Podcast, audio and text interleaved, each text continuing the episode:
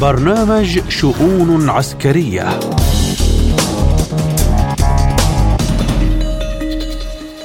تحية طيبة مستمعينا الكرام في كل مكان على أثير إذاعة سبوتنيك في موسكو مع حلقة جديدة من برنامج شؤون عسكرية أصحبكم فيها أنا محمد جمعة والبداية بأبرز العناوين.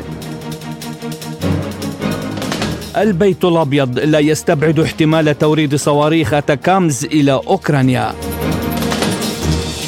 أوباما ووزارة الخارجية الأمريكية هما اللذان روجا للبرامج الحيوية العسكرية الأمريكية في الخارج الأمريكيون ينشرون المختبرات البيولوجية ويقولون أنها ليست مضرة وليس لها أبعاد عسكرية ولكن لماذا لا يسمحون بإجراء التحقيقات فيها؟ تركيا تبيع 18 مسيرة من نوع برقدار تي بي 2 للكويت. لماذا هذا التهافت الكبير على شراء برقدار وبالأخص من دول الخليج العربي؟ مقتل 35 شخصا على الأقل نتيجة القصف في العاصمة السودانية. حول هذه الملفات سأتحدث مع ضيوفي الكرام في هذه الحلقة من شؤون عسكرية عبر أثير إذاعة سبوتنيك للأنباء بموسكو. ونبدأ بالملف الأوكراني حيث صرح رئيس الاستخبارات العسكرية الأوكرانية كيريلو بودانوف أن الهجوم المضاد الذي تخوضه كييف سيستمر حتى بعد حلول الطقس البارد والممطر بالأشهر المقبلة. رغم أن القتال عندها سيزداد صعوبة فيما اشارت تقارير إعلامية مؤخرا إلى أن إدارة الرئيس الأمريكي جو بايدن تعتقد أن الهجوم الأوكراني المضاد سينتهي في غضون ستة إلى ثمانية أسابيع أسابيع تقريبا. في السياق قال جوناثان فاينر النائب الأول المساعد للرئيس الأمريكي لشؤون الأمن القومي إن واشنطن لا تستبعد احتمال توريد صواريخ أتاكامز إلى أوكرانيا والتي يعتقد أنها ستسمح بتحقيق النجاح في ساحة المعركة. وللحديث أكثر حول هذه المستجدات في الحرب الأوكرانية نستضيف من القاهرة الخبير في القضايا العسكرية الاستراتيجية الدكتور سمير راغب. أهلا بك دكتور سمير في شؤون عسكرية. أهلا بسيادتك والسادة المستمعين وفريق العمل فندم وأبدأ معك من تخطيط البيت الأبيض لتوريد صواريخ التاكامز إلى أوكرانيا التي يتجاوز مداها خطوط المواجهة. هل من الممكن يا دكتور أن تغير هذه الصواريخ موازين القوى على ساحة المعركة؟ طبعا موضوع الصواريخ والأسلحة هو جزء من ميزان التكافؤ العسكري مش مش كل شيء صواريخ يعني. لكن الموضوع بيصطدم بخطوط حمراء سياسية إن الرئيس جو بايدن وعد بنفسه أن لا يتم تسليم مثل هكذا الصواريخ اللي هو الصواريخ التكتيكية اللي هي مدى بيوصل ل 300 كيلو يعني 200 ميل. آه فالفكرة إن موضوع تجاوز الخطوط الحمراء هيودينا لفين؟ يعني طب إذا فشل الصواريخ ال ATACMS ما وفشلت ال F 16 وفشلت ال Abrams ماذا سوف يعطوهم يعني هذه الفكرة يعني هذا التصعيد مخيف. يعني فكرة إن الجانب الروسي يضع خطوط حمراء فالجانب الأمريكي يتعهد بعدم كسرها ثم يقوم بكسرها.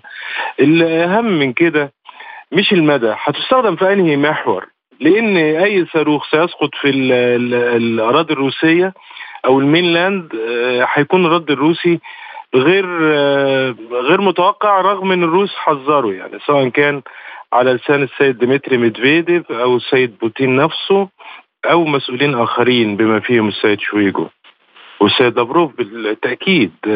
يبقى الخلاف على شبه جزيره القرم. شبه جزيره القرم الروس بيعتبروها mainland زيها زي الأراضي الروسية الأخرى. فهل سيتم استخدامها ضد شبه جزيرة القرم؟ هو هذا السؤال.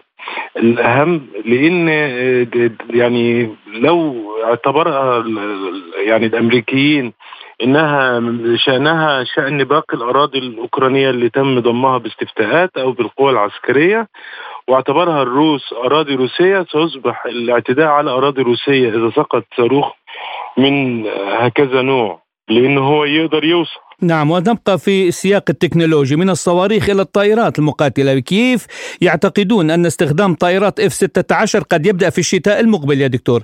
هل سيؤثر ذلك على مسار العملية الخاصة خاصة في ظل الفشل الحتمي للهجوم المضاد؟ أولا الحديث دايما بيكون على فكرة الطائرات لكن الطائرات دي عددها كام؟ يعني إحنا بنتكلم في أكبر عدد ممكن يوصلوا له هو تقريبا 42 طائرة. ال 42 طائرة سيتم تسليم أربع طائرات ست طائرات ثمان طائرات تبدأ من بداية العام. طيب هتدخل أربع طائرات هل ستحدث تغيير؟ هي الفكرة إن الموضوع يعني الحشد اللي هو مكون رئيسي للعمل العسكري وبالذات عمليات ال counter offensive لابد إن يكون الحشد متوفر بعناصره كاملة قوات برية وجوية ودفاع جوي وقيادة وسيطرة وكله لما تدخل أربع طائرات اللي بيحسب بيحسب على 42 ده خطأ لأن ال 42 لن يكونوا في وقت واحد متواجدين. لأن الأربعة اللي هيدخلوا هتحصل فيهم خسائر وبعد كده يجي ستة يحصل فيهم خسائر يجي ثمانيه يحصل فيهم خسائر يجي خمسة يحصل فيهم خسائر. فبالتالي فكرة مش هيقدر يعمل اوفر وولمنج في الطيران في وقت واحد. والسؤال المهم جدا الطائرات من أين ستقلع؟ القواعد والمطارات اللي هتقلع منها. الروس من ساعة تاريخ ما بدأ الحديث على طائرات جديدة التركيز كله بيكون على الطائرات على القواعد الجوية والمطارات سواء بالتحديد متى يتم التعامل معها لأن لو ما فيش قواعد جوية يبقى ما فيش غير إنها تقلع من أحد دول الجوار. لو أقلعت من أحد دول الجوار سيتم استهداف دول الجوار بدون تفكير. فهو ده ده السؤال الأهم. بالإضافة لإن الطيران الإف 16 اللي هيدخل هيتعامل ضد عدايات من دفاع جوي روسي متفوق بما فيه الإس 400 لأن الإس 400 الناس بيقولوا ما بتشاركش. الإس 400 بتشارك من العمق الروسي من خارج مدى تدمير وسائل الضرب المباشر والطيران المحدود الموجود لدى أوكرانيا. لكن تقدر من داخل اراضي الروسية تستهدف طائرات. هيواجه طيران روسي وربما يدخل الروس طائرات لم تكن موجودة من بداية العملية بكثافة زي السو 35 مثلا ممكن تدخل.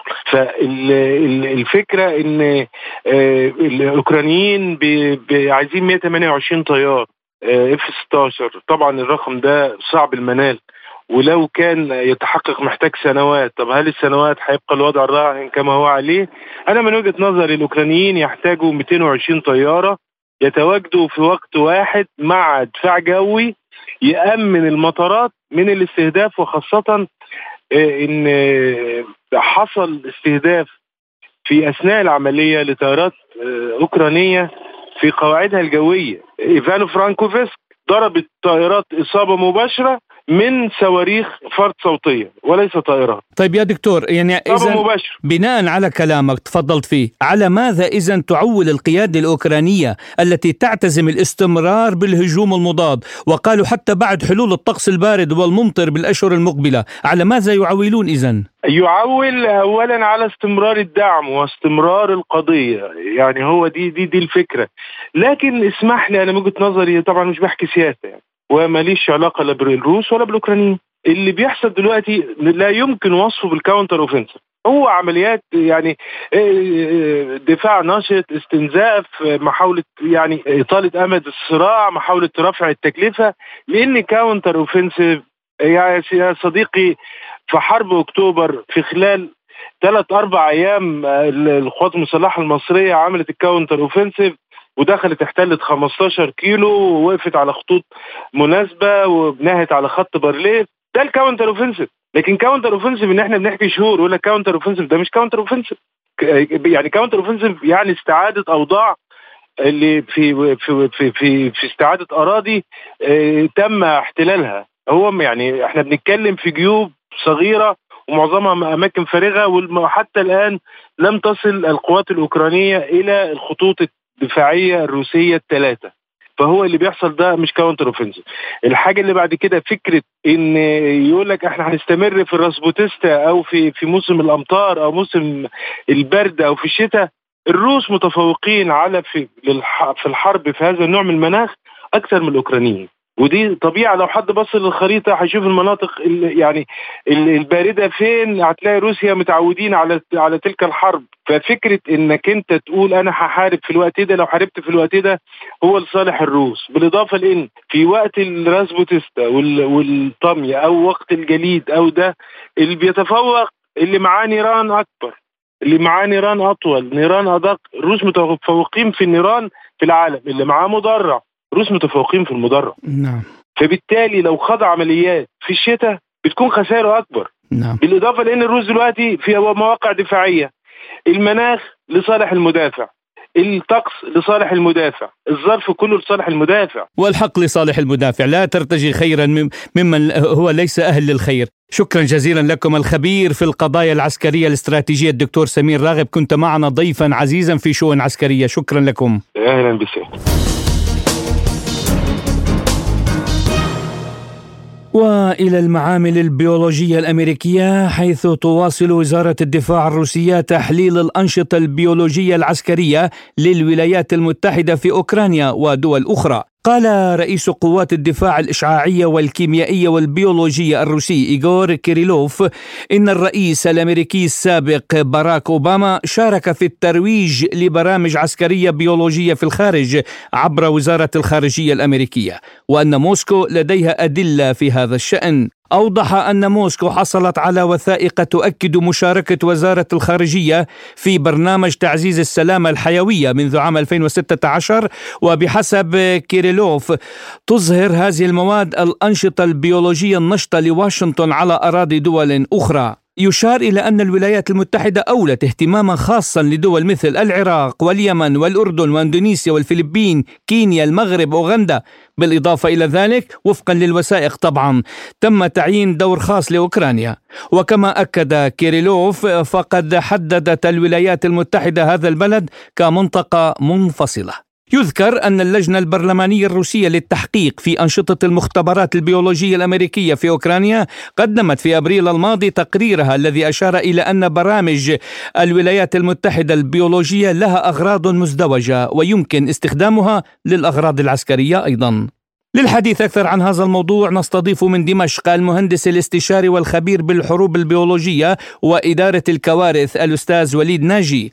أهلا وسهلا بك أستاذ وليد في شؤون عسكرية. وأبدأ معك من قراءتك لهذا الانتهاك الكبير من قبل نظام كيف وواشنطن لأحكام اتفاقية الأسلحة البيولوجية وأيضا الاختباء وراء المادة العاشرة من الاتفاقية. يعتبر السلاح البيولوجي أحد أشكال أسلحة الدمار الشامل غير التقليدي.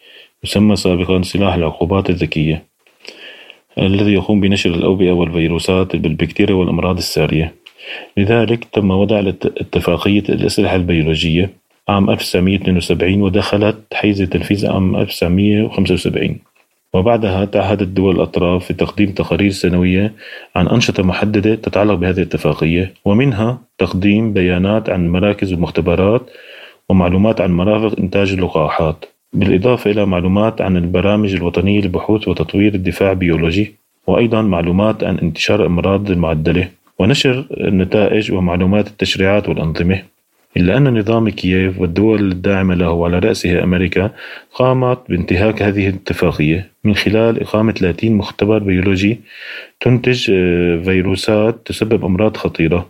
تم اكتشافها من قبل الجيش الروسي. اجتمع مجلس الأمن التابع للأمم المتحدة بناء على طلب روسي لمناقشة تمويل أمريكا لأنشطة بي... بيولوجية عسكرية في أوكرانيا وتطويرها سرا في المعامل الأوكرانية. من خلال وثائق عثرت عليها المخابرات الروسية. طيب أستاذ ناجي يعني البنتاغون أنشأ عشرات المختبرات والمراكز البيولوجية حول روسيا. لماذا أوكرانيا تحتل مكانا خاصا في وثائق المختبرات البيولوجية؟ نحن نعلم أن نظام كييف أصبح دمية بيد الولايات المتحدة الأمريكية حيث أن وزارة الدفاع الروسية أوضحت أن أمريكا تنفذ مشروعا على الأراضي الأوكرانية لدراسة نقل مسببات الأمراض عن طريق الطيور البرية المهاجرة وذلك بهدف إنشاء آلية للانتشار السري لمسببات هذه الأمراض الفتاكة وذلك على الحدود بين أوكرانيا وروسيا والدول المجاورة. وكما تعلم أستاذ وجود الكثير من الأسلحة البيولوجية المميتة برأيك هل توجد عليها سيطرة فيما لو فلتت من عقالها؟ تمام. الحرب البيولوجية إنتاجها كارثية تبتدئ للعالم كله. طبعا أستاذ الكريم نحن ما زلنا نعاني من آثار السلبية التي خلفها فيروس كورونا. وخاصة أن هناك تقارير تؤكد. أن فيروس كورونا وتحولاته عبارة عن فيروس آه، تم إنتاجه في المعامل البيولوجية.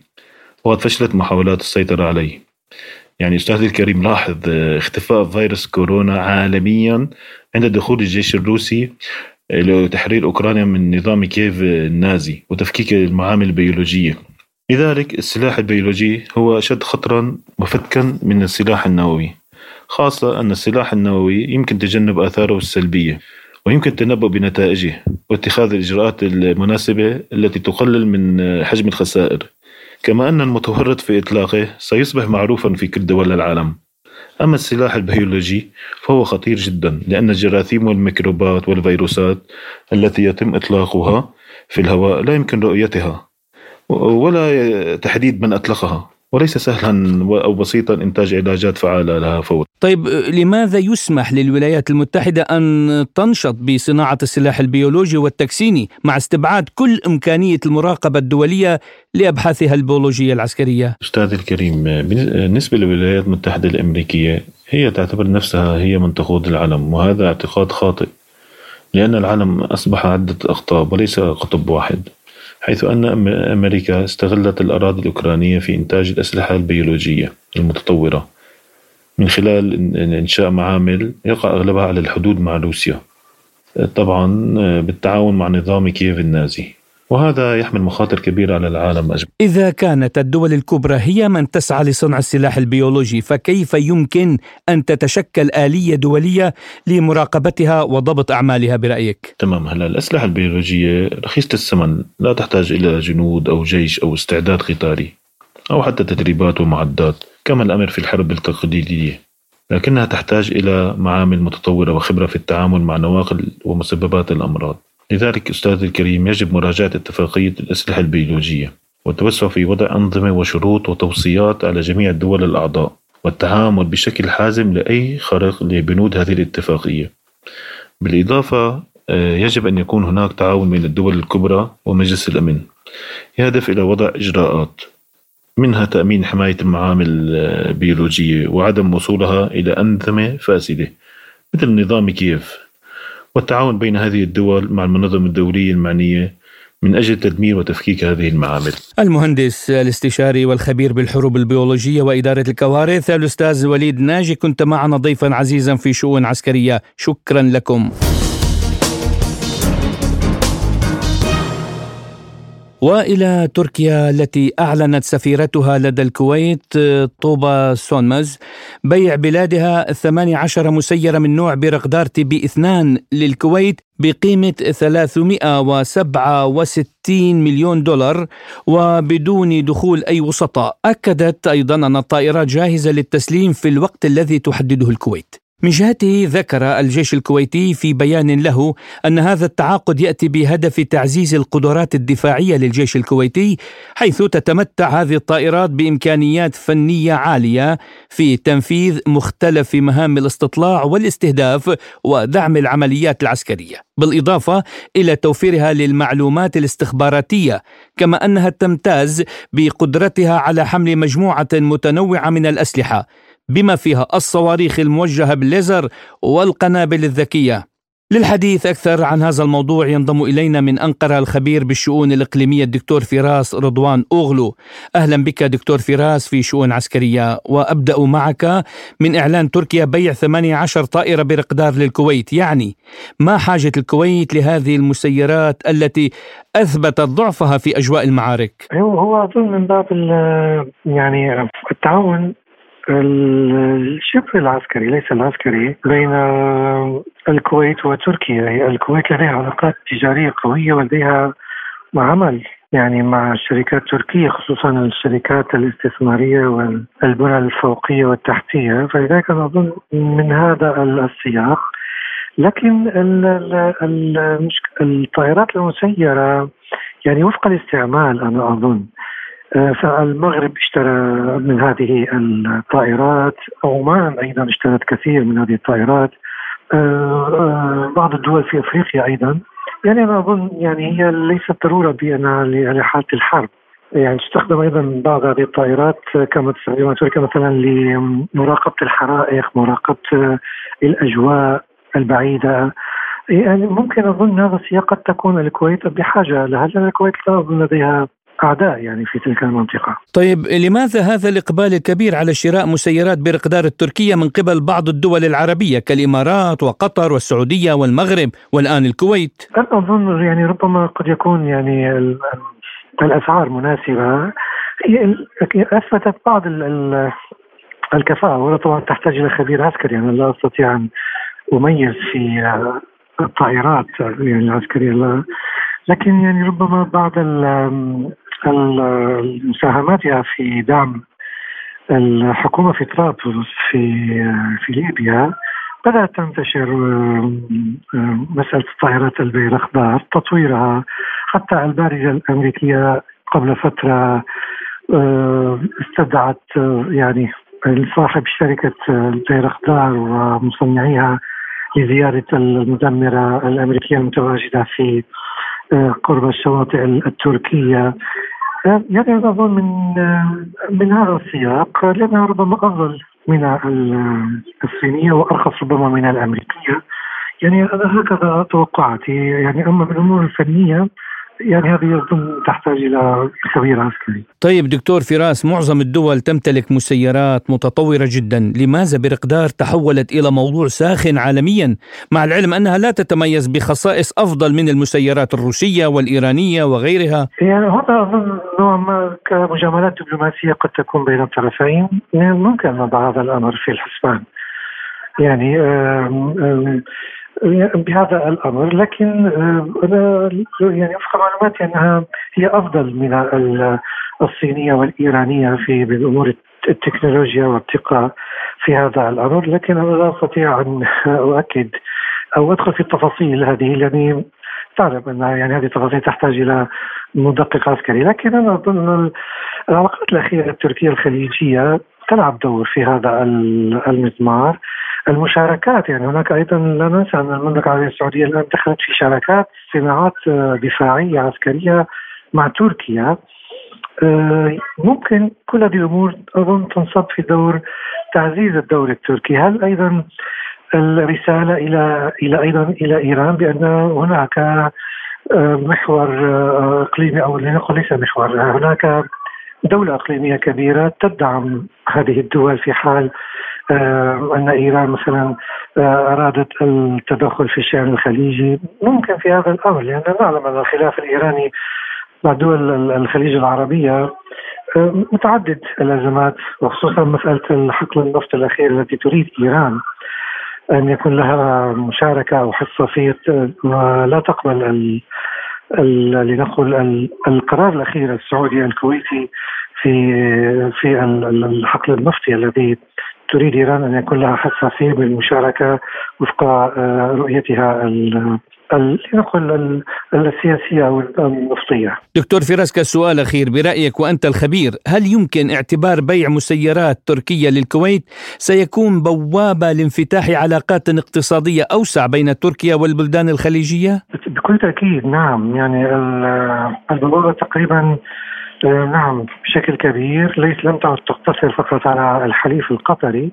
لا هناك أصبحت الدول الإمارات لديها اشتراك كبير مع تركيا. المملكة العربيه السعودية وإنتاجها والان الكويت والكويت ربما لديها يعني علاقات قوية أيضا مع تركيا. أنا أظن أيضا هي أيضا رسالة يعني أيضا هذه الدول لإيران. أنا أظن في هذا الوقت لأن يعني الصناعات التركية الدفاعية وإذا كانت هناك شراكة مع هذه الدول الخليج العربية بمعنى أن هناك ثقل استراتيجي واستراتيجي عسكري أيضا وجيو استراتيجي بين هذه الدول وإيران في يعني في الخلافات القائمة بينها سواء على الأمور البحرية أو النفطية أو حتى الصراعات النفوذ بينهما. الخبير بالشؤون الإقليمية الدكتور فراس رضوان أغلو كنت معنا ضيفا عزيزا في شؤون عسكرية شكرا لكم.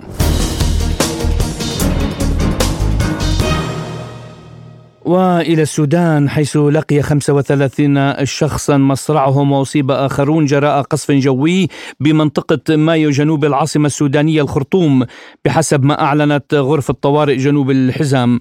ألقت قوة الردع السريع السودانية باللوم في الحادث على الجيش ولم يصدر تعليق رسمي من المحكمة العليا حتى الآن. حول هذا الموضوع نستضيف من الخرطوم المحلل السياسي والخبير بالشأن السوداني الأستاذ خالد الفكي. أهلا بك أستاذ خالد في شؤون عسكرية.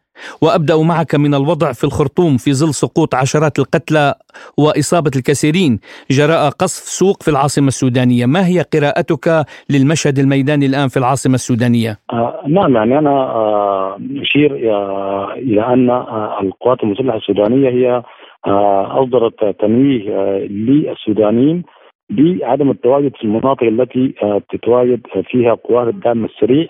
فهذه الأسواق آه هي الآن أصبحت أسواق للمنهوبات والمسروقات من منازل السكان في الخرطوم ويتواجد بها منسوبي الدعم السريع جنود الدعم السريع ومنسوبيها الذين هم الآن يبيعون هذه الأشياء. فبالتالي هذه الأسواق هي تعرف باسم أسواق بدلو.